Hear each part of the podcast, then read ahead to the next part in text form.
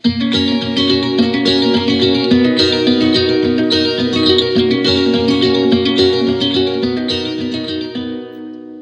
til Danske Bankers, podkasten for deg som vil vite hva som rører seg i markedet fra uke til uke. Mitt navn er Fredrik Ask Stensrud, og med meg fra Hamar så har jeg som vanlig vår sjefstrateg Christian Lie. Velkommen, Christian. Takk for det. I dag så er det fotballfri, og det er jeg ganske sikker på at det er en uh, stor gruppe mennesker som er uh, takknemlige for. Men i morgen så spiller bl.a. Frankrike mot eh, Argentina i en av de to første åttendelsfinalene. Og Jeg lurte på om ikke jeg kunne friste deg litt i lys av hva vi pratet om forrige fredag, med litt fakta om disse to landene. Ja, det var jo veldig interessant sist, så vær så god. ok, men da Hvis vi tar Frankrike først. Frankrike de er da verdens mest populære turistdestinasjon. Og den franske hæren var den første hæren som brukte kamuflasje tilbake i 1915, første verdenskrig. I Frankrike så kan du gifte deg med noen etter at de har dødd. Minst 40% av all musikk som spilles på offentlig radio, må ved lov være franskprodusert. Uh, franskmenn spiser rundt 30 000 tonn med snegler hvert år. Og det er faktisk ulovlig å ta med seg levende snegler på høyhastighetstogene uten at de har egne billetter. Eh, det er fakta.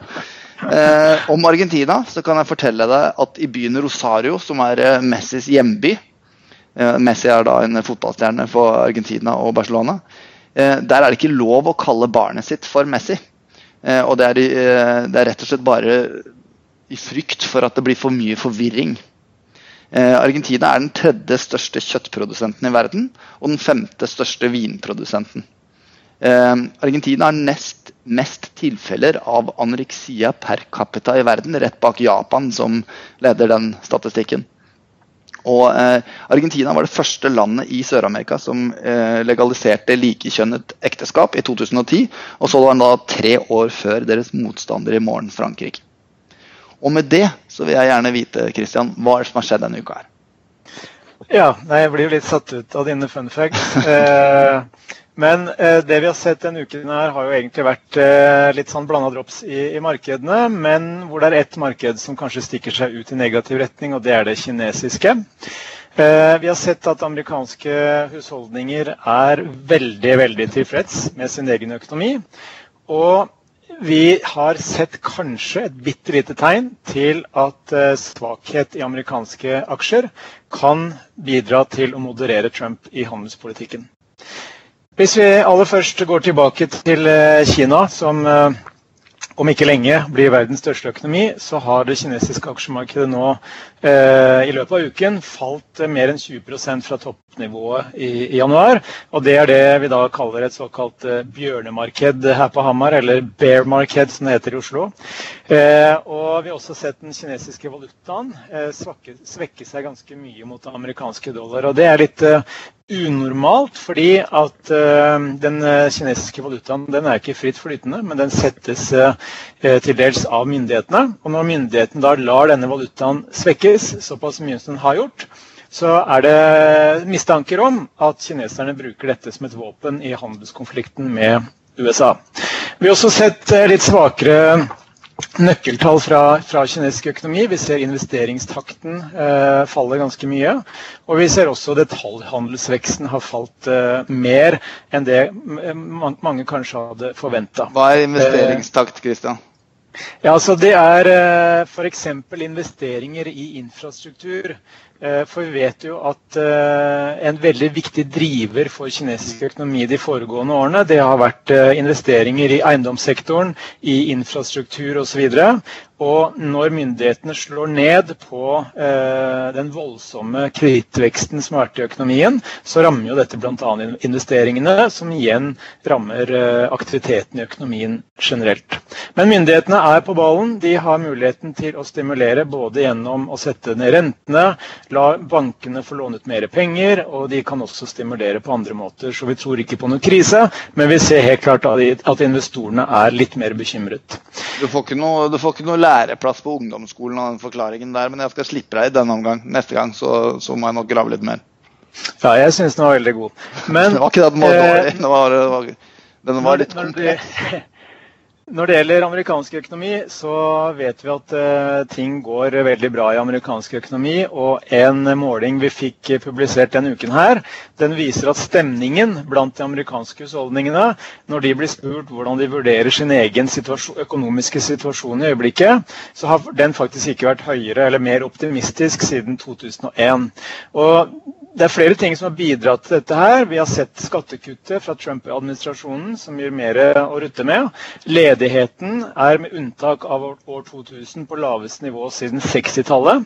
Samtidig som vi ser at lønnsveksten er i ferd med å, å løftes uh, litt. grann. Hvordan, hvordan eh, måles eh, stemningen? Det er rett og slett månedlige spørreundersøkelser hvor eh, husholdningene blir spurt om hvordan de ser på sin økonomiske situasjon i dag, og hvordan de ser på de økonomiske utsiktene fremover. Og Der er det spesielt vurderingen av nå-situasjonen som er veldig, veldig eh, høy. Og fordi at privat forbruk, som husholdningene bidrar til, utgjør nesten 70% av amerikansk økonomi, så ser vi at mange aktører nå oppjusterer sin vekstprognose for amerikansk økonomi fremover.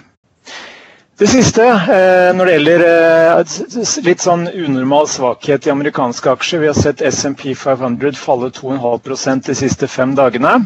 Så har det sammenfalt med en interessant vending i denne handelskonflikten. Nemlig at eh, det, det alle trodde Trump skulle gjøre, nemlig å innføre strengere restriksjoner på hvordan kinesiske bedrifter har mulighet til å investere i USA eller i amerikansk næringsliv han droppa å innføre de strengere reglene.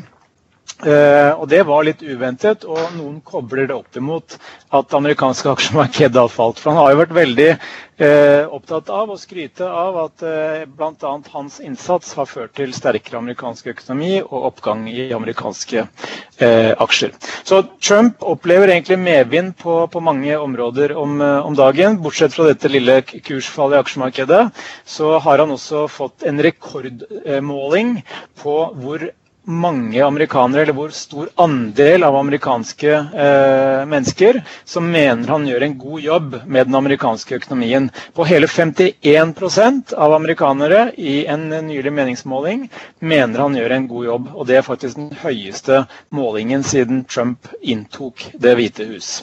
Men det har, det har vært en ganske begivenhetsrik uke, Christian. kan man si at den siste uken så kan det altså virke som, i hvert fall, at uh, Trump legger større vekt på hvilke konsekvenser dette får for uh, næringsliv i USA, enn på en måte å trykke videre på den sandkassekrangelen han har med Kina?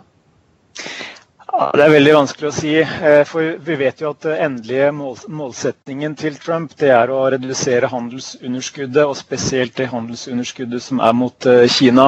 Og Det som er veldig spennende, det er jo at det handelsunderskuddet det er jo ikke bare en konsekvens av eh, holdt på å si litt subsidier og sånt noe fra kinesisk side som, gir, som ikke har gitt det helt helt rettferdige handelsvilkår for andre land.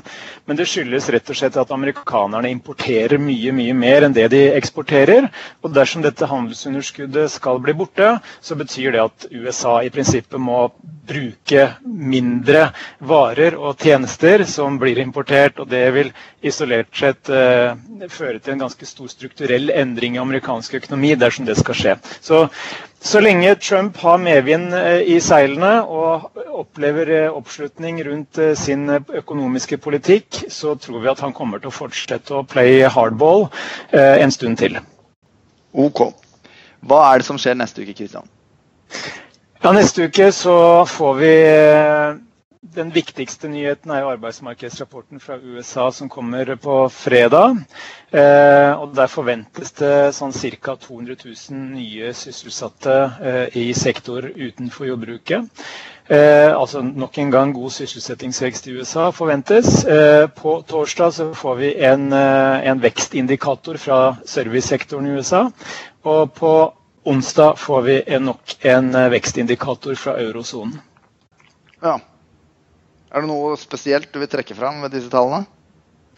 Eh, ja, ja, alle disse tallene er egentlig veldig viktige. fordi at I den situasjonen vi er nå, hvor, eh, hvor, vi og mange andre tror at denne usikkerheten rundt handelskonflikten begynner å tære litt på de økonomiske utsiktene, så vil tall som dette på en måte enten bekrefte eh, det pessimistene eh, tror, eller avkrefte det pessimistene tror. Så Hvis eh, disse avlesningene blir bedre enn ventet, så vil det kanskje roe markedsstemningen og trekke aksjemarkedet oppover. og vice versa. Og Hvilket av tallene vil du si kan resultere i størst utslag i markedet? Eh, det vil kunne være arbeidsmarkedsrapporten i USA. fordi Hvis den er eh, veldig sterk og lønnsveksten også akselererer mer enn det man har sett tegn til så langt, så kan forventningene til at Fed hever renten mer enn det de har signalisert, stige. Og det er det ikke sikkert investorene liker. Nei. Veldig bra, Kristian. Takk skal du ha. Da jeg skal oppsummere de tre viktigste sakene for neste uke. Men før det så gir jeg dere litt eh, markedsdata. Og det er da eh, bevegelser siste fem handelsdager. OECBX opp 1% SMP 500 ned 2,5 eh, Eurostock 600 flatt og oljeprisen opp 4% Det viktigste som skjer neste uke, er PMI fra eurosonen på onsdag klokken 10. Så får vi ISM, servicesektoren i USA, på torsdag klokka fire. Og så får vi arbeidsmarkedsrapporten fra USA på fredag klokken 14.30. Det var alt vi hadde i denne ukens episode av eh, Danske Bankers. Og vi eh, tar faktisk nå sommerferie, så da høres vi igjen først i august. God sommer!